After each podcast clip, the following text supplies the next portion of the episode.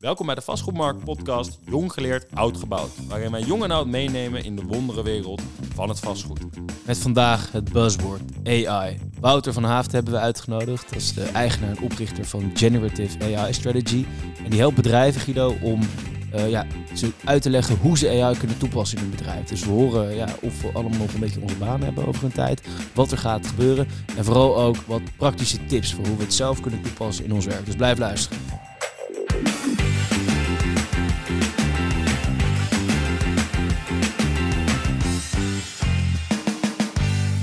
Wouter, welkom in het uh, Amrad Hotel. Dankjewel. Ziet er goed uit. Chic. Ja, Alleen parking ook. Erg ziek. Ja, nog een beetje van de oude stempel. Jij uh, moet eigenlijk de nieuwe generatie voorstellen. Jij komt met jouw bedrijf uh, nou ja, goed, bij andere partijen om te vertellen over wat voor impact AI gaat hebben op ons werkende leven. Wat is nou eigenlijk de eerste vraag die, je, die je van hen krijgt? Wat kan ik er praktisch mee? Ze willen meteen naar, naar het einde eigenlijk. Ja, AI klinkt vaak heel ingewikkeld. Maar wat de uh, afgelopen twaalf maanden is gebeurd, is eigenlijk dat het juist heel toegankelijk is gemaakt. dus iedereen kan in één keer AI. Je hoeft niet meer een computernerd te zijn. Oké. Dus dat is. Uh... Ja, dus eigenlijk ze willen meteen tips soort van waar ze wat mee kunnen, om het zo maar te zeggen. Ja, dus heel praktisch inderdaad zien van wat kan ik nu zelf. Hè? Ben ik een uh, marketeer, wat kan ik dan? Ben ik een klantservice medewerker, wat kan ik dan? Maak ik projectontwikkelingsvoorstellen, wat kan ik dan? Ja. Nou, dat, dat laten we dan uh, praktisch zien, ja. Oké, nou goed, daar gaan wij natuurlijk op het einde, willen wij dan natuurlijk ook weten hoe we dat voor de vastgoedwereld, projectontwikkeling of investeerders, ja, wat, wat, wat kunnen we ermee? Of eigenlijk, wat moeten we ermee? Want misschien moeten we eerst even een stapje terug doen. Zeg maar, je hebt het uh, van dichtbij meegemaakt. Je hebt twee jaar bij, een, uh, bij um, Spark Optimus gewerkt, een echte consultant ge en op de digitale wereld, uh, technologie. Ja. Nu op deze rijdende AI-trein gesprongen. Ja. ja wat, wat zag jij gebeuren? Ja, nee, ik, ik heb dus inderdaad vier jaar bij, bij een digitaal consultant gewerkt. Sorry, daar, en, nou, geen, geen punt. Voor de, voor de Heineken's en de Nestle's gewerkt van deze wereld op, uh, op digitale strategie. Weggegaan, eigen bedrijf opgezet. Um, en ik ben toen inderdaad, uh, toen ChatGPT, et cetera, uitkwam, generatieve AI eigenlijk elke dag gaan gebruiken voor alles. Van, van meeting notes tot aan e-mails draften, tot aan op een gegeven moment ging naar een beurs en er waren er 5000 beursgangers. En dan ging ik die websites één voor één scrapen, verzamelen. En dan met een AI interpreteren. Van hè, hoe relevant zijn ze voor mij naar aanleiding van wat ik doe en wat zij doen. Nou ja, dan kon ik eh, super efficiënt die beurs op. Um, dus ja, ik, ik zag van dichtbij... die mensen targeten al meteen. Zo Juist, precies. Eigenlijk een lijstje maken. Hè. Je, gaat, je hebt 5000 potentiële uh, mensen waar je langs kan. Maar ja, welke moet, ik kan geen 5000 handen schudden natuurlijk.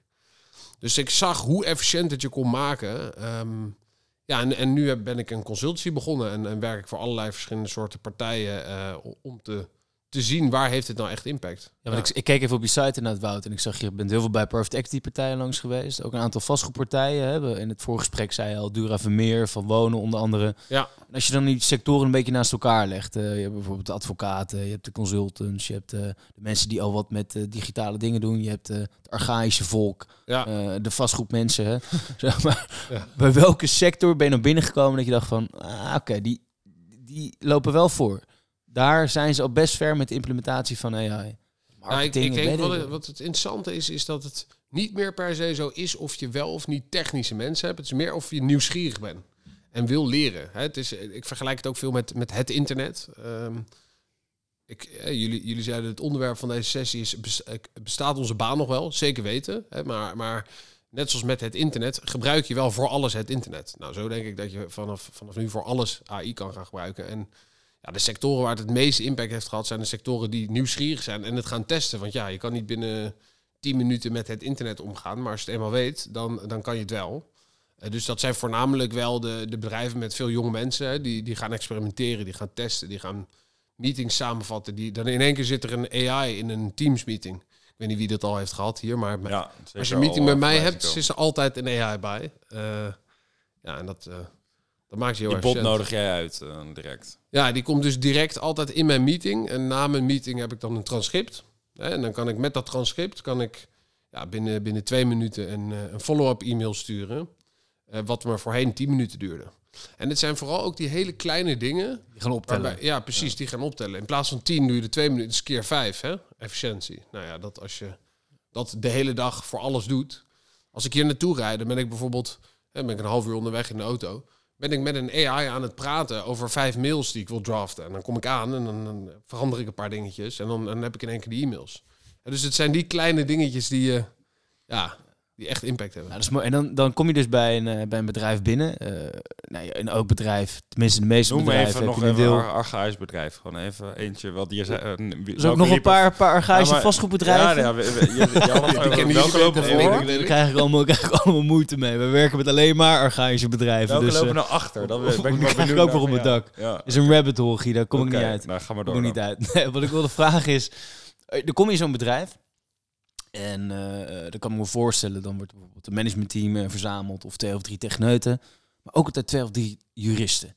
Want ja. iedereen denkt ook van, oké, fuck, dit is ook spannend, dit is eng, dit zijn ja. bedrijfsgeheimen. Elk bedrijf denkt dat het geniaal is. Ja. Um, nou ja, reken maar uit, als iedereen geniaal is, wat is nog de waarde van genialiteit? Volgens mij valt het vaak best mee. Maar goed, als je dan binnenkomt, voor je het weet is meteen punt 1 op de agenda. Ja, maar wat dan met, uh, uh, wat gebeurt er met onze data? Is het wel veilig? Ja. Um, hoe ga je daarmee om? Moet je dat tackelen? Of het is natuurlijk een valide punt, maar... Ja, heel herkenbaar. Ik bedoel, die, die vraag krijgen we natuurlijk altijd. Kijk, uh, en ChatGPT is één. En generatieve AI is meer een technologie die, die nu kan. En, en je kan op een hele ja, veilige manier generatieve AI toepassen. Het is, uiteindelijk is het een wiskundige formule, is het een neuraal netwerk. Dat, nou, dat, dat leggen we dan uit in die sessie. Ehm, en nou, die, wiskundige formule kan je ofwel bij de servers van OpenAI draaien in Amerika. Nou, dan gaat dus al je data naar hun toe. Afijn, als je betaalt, zeggen ze, joh, wij trainen onze modellen niet door op jouw data. Moet je ze natuurlijk wel geloven, hè? dat is een ander ding. Maar goed, je e-mail provider geloof je ook. Ehm, maar je kan die formule ook op je eigen servers draaien. Hè? De politie heeft ook bijvoorbeeld een, een large language model draaien. En dat hebben ze gewoon achter een gesloten deur met, uh, ja, op de computer bij hun uh, op kantoor staan. Dus daar kan niemand bij. Dus er zijn zeker oplossingen om dat op een veilige manier te doen. Zodoende werken we natuurlijk met allemaal investeerders en, uh, en verzekeraars. Waar het natuurlijk heel erg gaat om, om data security. Ja, en oké, begrijp ik. En je, je zei het net al even, kijk, ChatGPT, dat is het, het buzzword. Iedereen kent dat. Ik denk dat iedereen een beetje de Volkswagen Polo onder de AI, denk ik. Nou, ik zou wel meer zeggen meer de BMW hoor. Of de Audi ja? is wel echt... Ja, het is goed speel hoor. Goed, goed speel. Ja, absoluut ja. Okay. Hij heeft wel meer magere... Heel goed, maar voor, voor ieder wat wil, hè? Je hebt, uh, Polo, hè, natuurlijk. Nee, nee, nee. Edge, Edge is, uh, rijdt dan in een soort Tesla of zo. Je hebt, uh, nou goed, iedereen zijn smaak. Ja. Maar wat zijn dan nog meer tools die je ziet? Laten we het even hebben. Het is een vastgoedpodcast. Ja bij het type vastgoedbedrijf. Dus dat is heel veel financieel, het zijn technische dingen, het zijn veel juridische aspecten. Ja. Het gaat veel om investeren, ontwikkelen, investeringsbeslissingen. Ja. Uh, voor dat type bedrijven en uh, het liefst ook specifiek bij vastgoed. Wat zijn dan de tools die jij tegenkomt waar je zegt dat, dat zijn de meest ja. bruikbare of, of de meest handige? Ja, ik denk dat je groot onderscheid moet maken tussen de onderliggende modellen. Dus die worden gemaakt door die grote bedrijven die, die dat trainen op heel veel data. Dat kost 800 miljoen, 900 miljoen en de, de diensten die daar bovenop worden gebouwd. Dus je hebt allerlei tools. Bijvoorbeeld die e-mail samenvatter die ik uh, gebruik. Of die meeting samenvatter. Fireflies heet dat. Uh, en heb ik geen aandelen hoor. kun je gewoon in, inladen in je je gewoon inladen. En dat is dan bovenop die modellen gebouwd van, van OpenAI. Dus wat ik heel veel zie bij nou, partijen in de vastgoed... Uh, hè, waar er toch heel veel documentatie is. Er is heel veel tekst schrijven, vragen over projecten. Is dat eigenlijk die, die modellen van van OpenAI, en dat kan je ook bij Microsoft eh, neerzetten tegenwoordig, dat die worden gebruikt, maar dan op eigen data. Dus stel je voor, uh, je bent een projectontwikkelaar en, en je hebt dus een project en je krijgt daar vragen van, van mensen. Hoeveel vierkante meter, zit er ook een badkamer, weet ik veel, opleverdata. Als jij in plaats van dat je elke keer moet graven in die documentatie gewoon een antwoord kan krijgen, ja, dan scheelt dat weer. dus het zijn die kleine dingen waar, wat ik zie. Uh, plus dat veel modellen tegenwoordig die afbeeldingen kunnen maken daar zit ook enorme potentie voor, voor partijen in de vastgoed. Want die zijn natuurlijk de hele tijd bezig met mock-ups, weet je wel. Van hoe ziet het er nou eigenlijk uit? Ja, ik moest laatst, moest ik, eh, had ik de NEPROM, een projectontwikkelingscursus. En toen moesten wij inderdaad, nou hadden we een soort van case. Het was gewoon een, ja. een verzonnen case. En ja, we hadden niemand inderdaad technisch of architect in het groepje. Het was ja, we moeten toch iets van een render hebben, weet je wel. Toen heb ik dus inderdaad met die image generator van ChatGPT gedaan. Ja werkte echt best wel lekker. Ja, kwamen ja, gewoon goede, sexy platen uit. Ja, ja, ja, precies. Een paar leuke, sexy plaatjes. En op een gegeven moment heb je, tenminste bij ChatGPT, wel door wat voor soort plaatjes eruit komen. En toen dacht ik een keer, oké, dus nou, ik kan een architect aan het werk zetten, wat een ontwikkeling. En ehm, ik wil, wilde naar de gemeente toe en dan wil je eigenlijk laten zien van kijk, we zijn al heel ver met de plannen. Maar je wil niet een architect een opdracht geven van tienduizenden euro's, uh, zodat hij lekker kan gaan tekenen. Want ja, dan moet er weer wat veranderen en dan begin je weer opnieuw. Dus toen dacht ik van oké, wat nou als ik in tekst helemaal uitleg hoe dat gebouw eruit ziet. Dus het is 60 meter hoog, 20 bij 30, plint 8 meter, uh, visueel en bla bla bla. Ja. ChatGPT werkte niet, maar heb je daar bijvoorbeeld een aparte tool voor die daar wel heel goed in is? Ja, nou ja, in de basis zijn die modellen niet heel goed in, uh, in, in rekenen. En uh, architecturische uh, zeg maar designs en dat soort dingen. dus als je een, een keertje moet je eens maar eens doen, vraagt aan, aan ChatGPT om een, om een boormachine, krijg je hele rare boormachines. En dat komt omdat boormachines altijd anders zijn. Kijk, een kat is altijd een beetje hetzelfde, weet je wel. Of, of een of zebrapad. Ja, daarom kan het dat heel goed. Omdat boormachines altijd anders zijn en ook gebouwen krijg je altijd hele andere gebouwen. Dus waar, wat je kan gebruiken is, is in Photoshop zit ook AI. Hè? Dus AI zit tegenwoordig overal. Uh, ja, daar kan je delen van de afbeelding wijzigen. Dus dan verander je niet per se de, de structuur van je gebouw. Maar je kan wel, uh, weet je, een kind daar op straat laten spelen. Want ja, dat is, uh, we hebben in één keer bedacht dat we daar een kind moeten laten spelen. Omdat het goed is voor een woonwijk, bij wijze van spreken. Nou, scheelt weer fotoshoot of, of tekening laten maken. Als je dat in Photoshop erbij kan knippen, zeg maar. Kan creëren.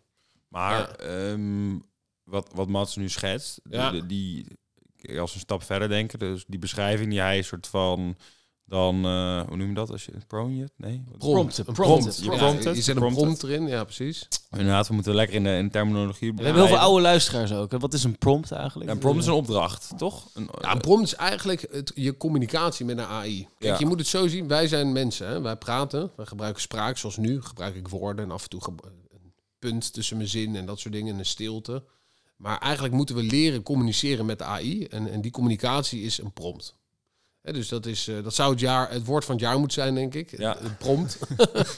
um, maar ja, dat is echt een skill. Dat is echt een skill wat, wat later echt op vacatures komt ook. Je moet kunnen prompten. Je moet ja. met AI kunnen werken om... Uh... En hoe ben je er nou goed in? Laten we gewoon even de tijd van nemen. Wat, hoe, hoe moet je nou goed prompten? Ja, is ja, dat werkwoord, prompten? Ja, of, eh, ja, zeker, zeker. Ik bedoel, eh, net zoals praten en schrijven. Ehm, eh, ja, oefening baart kunst wel. Hè? Dus ik doe het echt twaalf maanden, elke dag, de hele dag voor alles. Uh, en, ik heb ook wel geleerd hoe het is om te communiceren met AI.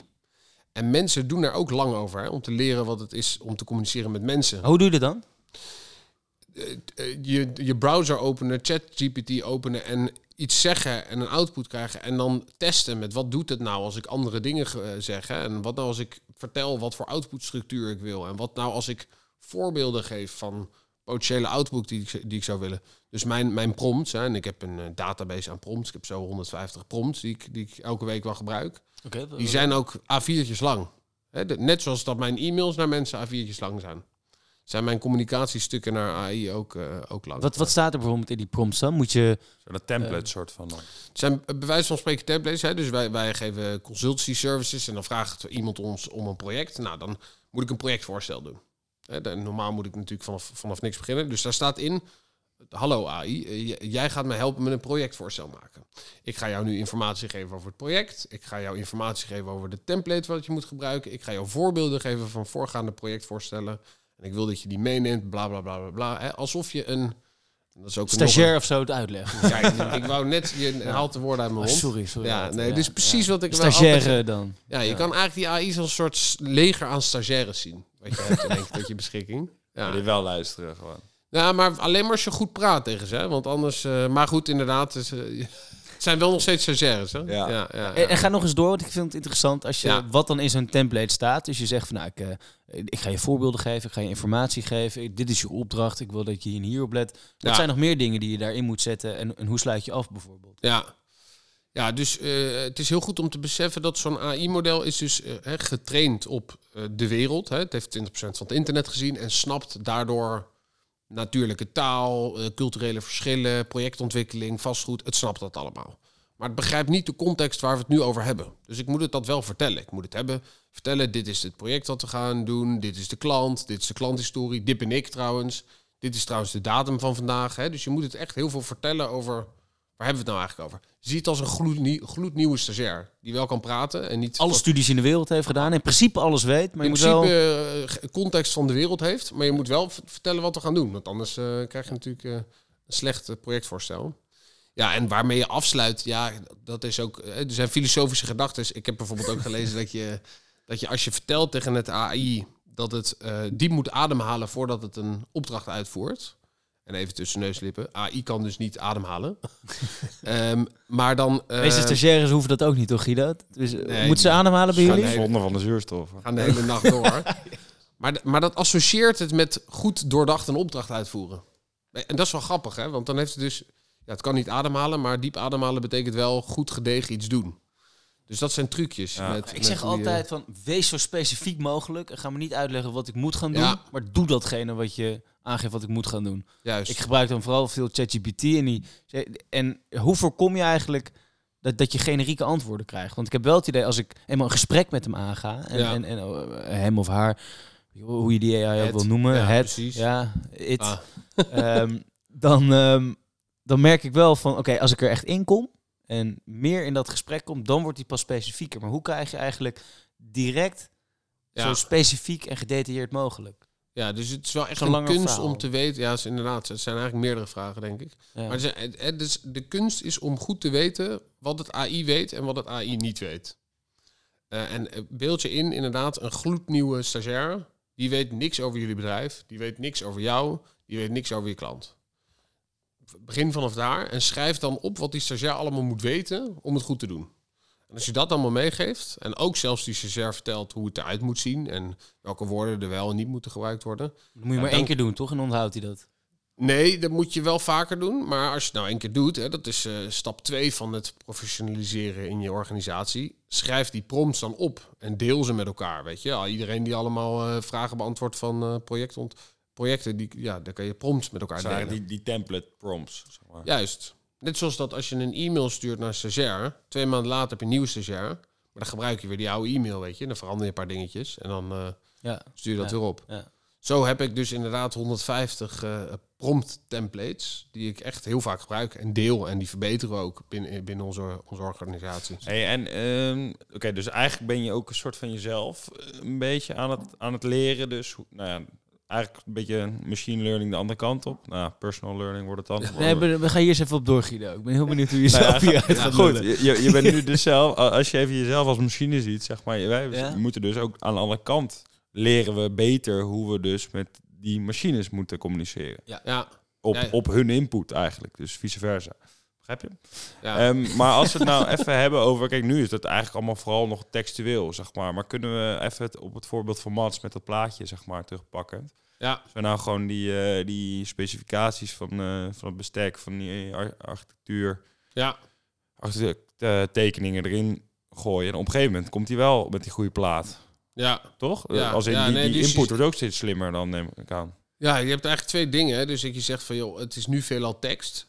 Ja en nee. Kijk, eh, eh, je kan tegenwoordig in die modellen ook afbeeldingen en ook, ook video. Het, het is nu uh, eind, uh, eind Feb hè, en de, de, die nieuwe. Ja, dat is goed om erbij te zeggen. Want ja, het zo hard gaat binnen een week is het natuurlijk helemaal anders. Ja. Um, maar, maar vorige week is dat nieuwe model van OpenAI gelanceerd voor video.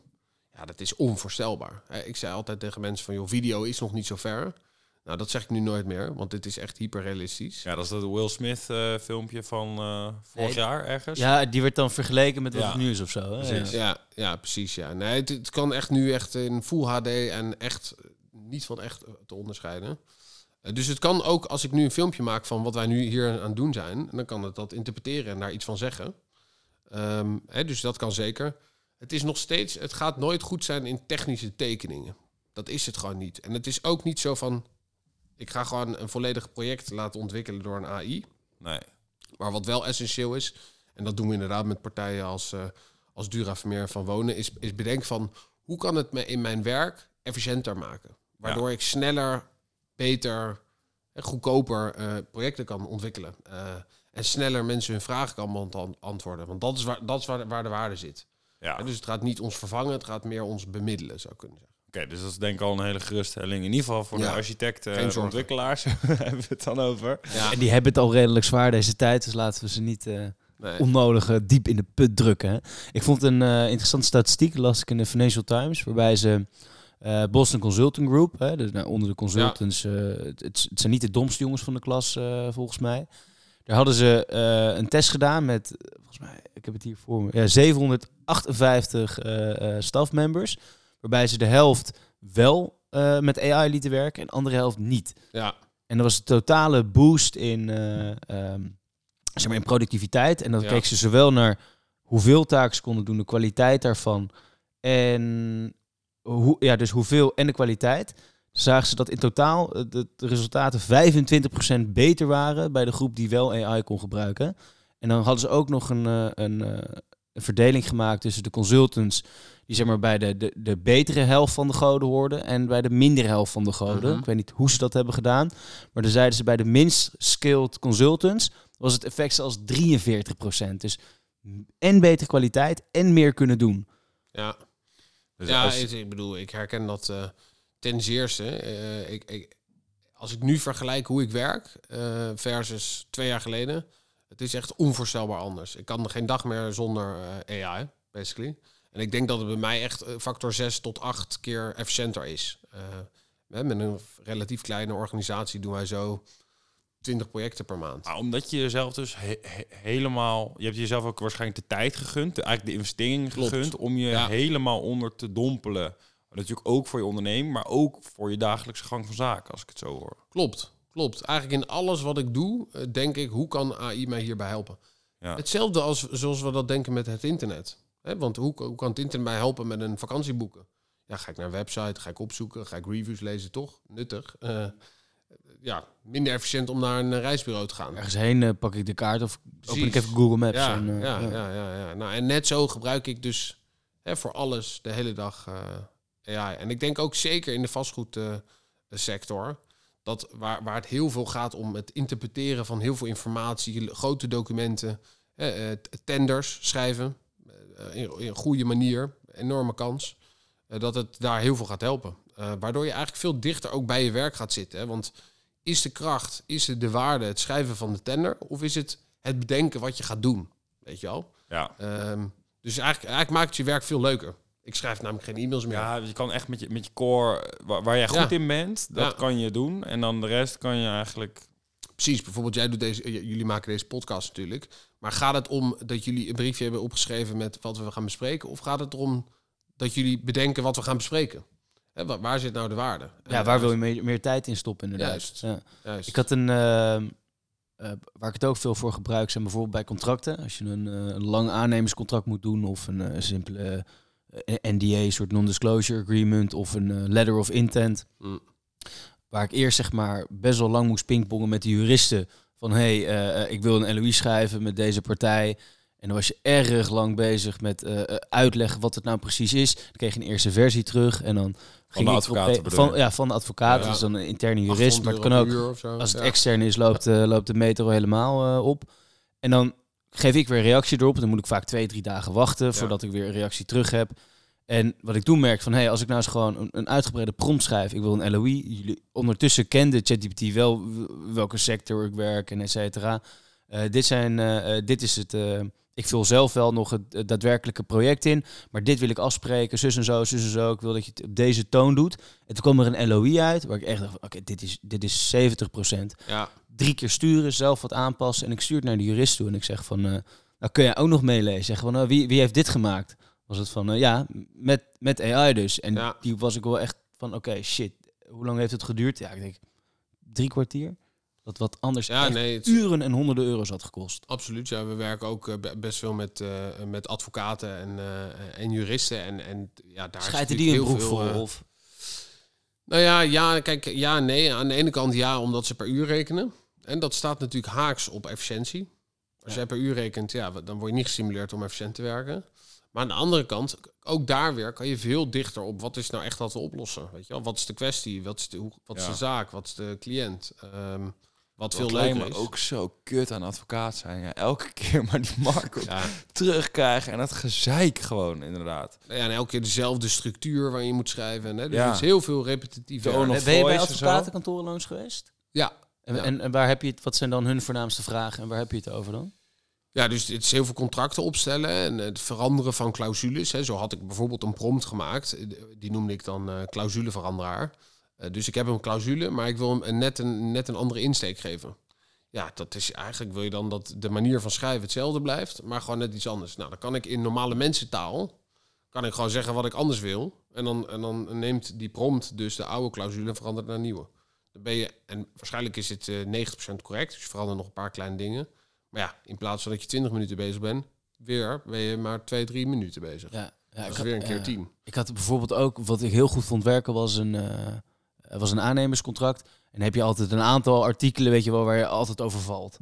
Um, en, en bij een van die artikelen dacht ik, wat nou is... Kijk, dan, dan vertelde ik dus gewoon in ChatGPT, ik wil dit en dit bereiken. Ik mijn rol als belegger en ik moet dit contract afsluiten met een aannemer. Wat zijn nou vijf manieren waarop deze artikelen mogelijk tegen mij kunnen worden gebruikt? Ja. ja dan ging ik ratelen en dan kom je echt met dingen terug. Nou, bijvoorbeeld in die situatie zou je hier en hier aan kunnen denken. Zeg ik, oh oké, kun je het contract zo, de clausule zo aanpassen dat ik dat risico afdek, maar schrijf het op een manier op dat ik niet laat zien aan de aannemer dat ik weet dat dit kan gebeuren. Dus let op de toon. En daar was hij echt extreem goed in. En toen dacht ik, ja, een jurist kan heel veel weten. Maar dit is uiteindelijk weet hij alles wat in jurisprudentie staat. Ja. En als zo'n AI alles weet wat er te weten valt over die kwestie. Ja. Ja. ja en nee. Dus aan de ene kant, hij is heel goed in die output. Net omdat jij nu beschrijft best wel nauwkeurig wat je wil. Dus jij bent eigenlijk al heel diep aan het prompten. Hey, je bent goed aan het nadenken. Ja, wel aan diep aan het Lekker, lekker bezig. Lekker ja. Ga, ga bij mij een zeggen. En, en het tweede is dat je wel moet zetten, het zoekt niks op. He, dus mensen die zeggen, ik heb iets opgezocht in ChatGPT, dat kan niet. Oké, okay, kan creëren met. He, want het, maakt, het zoekt niks op. Google zoekt iets op. Een database zoekt iets op. Dit heeft begrip van de wereld. Dus het zoekt geen jurisprudentie op. Er was ook een advocaat die had een ChatGPT een, een aantal uh, jurisprudentie-cases gevraagd en toen naar de rechter en ingeleverd. Nou, dat was allemaal uh, verzonnen, hè, dus nepfeiten krijg je dan. En dat komt inderdaad omdat zo'n model niks opzoekt, maar creëert naar aanleiding van de patronen die het in zich heeft. Dus dat is heel belangrijk om te weten. Maar ik had wel, het is wel zo als je bijvoorbeeld een adres geeft en je zegt, um, geef mij uh, een aantal redenen waarom de WOZ-waarde omlaag moet of zo. Ja. Dan komt hij wel met, dan ergens vindt hij de, precies de, de metrage van, uh, heeft hij in het kadaster of zo opgezocht, hoe groot het gebouw is, dat er een, uh, een mast in de buurt is. En dat klopte allemaal wel. Maar tot op de aantal vierkante meters juist. En dat hadden we niet aangegeven. Ja, is dat zo? Ja, dat weet ik niet hoor. Want het kan niks opzoeken. Dus maar je hebt toch in ChatGPT 4 die betaalde versie. Dan kan je zeggen, zoek het op en dan zie je van uh, gebruik Bing of gaat daarheen. Ja. En wat heel goed is om te beseffen, is wat je daar ziet, is precies het verschil tussen een AI en een zoekmachine. Want het AI verzint dat het een zoekmachine moet gebruiken. Dan gebruikt het Bing om iets op te zoeken. Dan pakt het een website pakt het al die tekst en zet het in ChatGPT. En dan gaat het AI weer nadenken. En dat besef is heel belangrijk. Want als jij dus intern iets bouwt, waarin jij dus vragen wil stellen over je projectplan of over je kadastergegevens, dan moet je dus koppelen met jouw interne database om die informatie te voeren aan het AI. Zie het eigenlijk als een persoon die in de, in de bibliotheek werkt en die kan je vragen stellen over de boeken. Maar die moet dan wel eerst de boeken gaan halen en lezen en dat soort dingen, weet je wel. En dat doet hij gewoon heel snel. Ja, dat doet het AI wel uh, razendsnel. Ja. Oké, hey, um, er zitten, uh, voordat we echt te diep erin gaan, hè, we, er zitten heel veel uh, naar vastgoedprofessionals in ieder geval te luisteren. En eigenlijk voor de concrete tips, hè, we hebben ondernemers, maar ook waarschijnlijk mensen bij de grotere corporates. Zeg maar, waar moeten mensen nou eigenlijk morgen mee beginnen om hun leven makkelijker te maken, volgens jou? Goeie vraag, goeie vraag. Kijk, ik denk dat um, een van mijn klanten die zei, uh, ik was op een groot congres, 300 man, en uh, gaf, gaf ik een presentatie en daar had hij de keynote. En hij zei, ik hoorde dit verhaal van Wouter ook, ook negen maanden geleden. Um, en mijn grootste les was dat ik te lang ben, heb gewacht om te starten. Hè, dus dus ja, download gewoon een paar van die tools. Geef inderdaad die 20 euro uit, 30 euro. Hè, ik, ik betaal zo 700 euro per maand aan, aan allerlei tools. Maar ja, ik ben wel acht keer zo efficiënt. Dus ja. reken maar door, weet je wel. Dat is gewoon ROI. Ehm, dus start gewoon, weet je wel. Begin gewoon, ga oefenen. Neem de tijd ook om te leren. Een beetje zoals autorijden. Ja, je, kan niet binnen vijf uur... Weet je, de eerste 30 uur eh, is ook zonde. Ja. Maar ja, daarna kan je wel autorijden. Soms is dat wel handig. Maar het is wel een beetje trial by error. Dus het is eh, ook misschien voor grote bedrijven... Ook, eh, weet ik veel, als jij dus jong bent, je begint net download zelf ook gewoon tools. Ga gewoon proberen en uh, reik het aan je collega's aan als iets werkt. Precies, precies. En wissel dan ook uh, die prompts met elkaar uit en zeg van hey, dit werkt wel, dit werkte niet. Dus het is echt het, nou ja, het, het experimenteren en het de tijd nemen om te, ja, te oefenen. Een echt laatste vraag dan. Ehm, stel je hebt een bedrijf en je denkt van oké, ik, ik was wat laat, maar ik moet er nu wel echt wat mee gaan doen. Wat zijn dan eigenlijk de keuzes die je kan maken? Want je kan uh, een paar werknemers een individueel account geven op ja. ChatGPT of zeg jongens, als jullie het willen, geef maar um, uh, door, eh, declareer het maar. Jullie kunnen gaan uh, kloten ja. ermee in één keer per maand. Dan komen we bij elkaar en dan gaan we lekker uitwisselen. Of want ze hebben dan ook gehoord, ja, maar je hebt ook Copilot, wat nu bij Microsoft komt. En je kan ook een soort van bedrijfs-GPT doen, waar je, dan je dingen in overal, Wat, wat zijn, eh, even concreet, want ja, je hebt het gehoord, ja. Guido wordt boos als, je, als, je, als het allemaal nog langer duurt. Ja. Maar wat, wat zijn nou concreet de opties die zo iemand dan voor zich heeft? En welke kant kan je op als bedrijf? Ja, dus het is heel belangrijk om te beginnen niet met de oplossing. Niet met het AI. Want AI voor AI, dat is zinloos. Hè? Je hebt een bedrijfsstrategie en je hebt processen... En als je vanaf daar start en eigenlijk een aantal vragen beantwoordt van... één is, hoe ga ik mijn klantervaring beter maken? Hoe kan ik dat doen? Als ik dus sneller kan antwoorden op vragen, is dat beter. Dat is een relaxtere ervaring. Twee, waar spendeer ik veel tijd nu? Is dat inderdaad het schrijven van teksten, het schrijven van offertes? Waar spendeer ik veel tijd? En het derde is dat je bedenkt, stel nou dat ik een leger aan stagiairs zou hebben, waar ik dus intelligentie op schaal kan toepassen.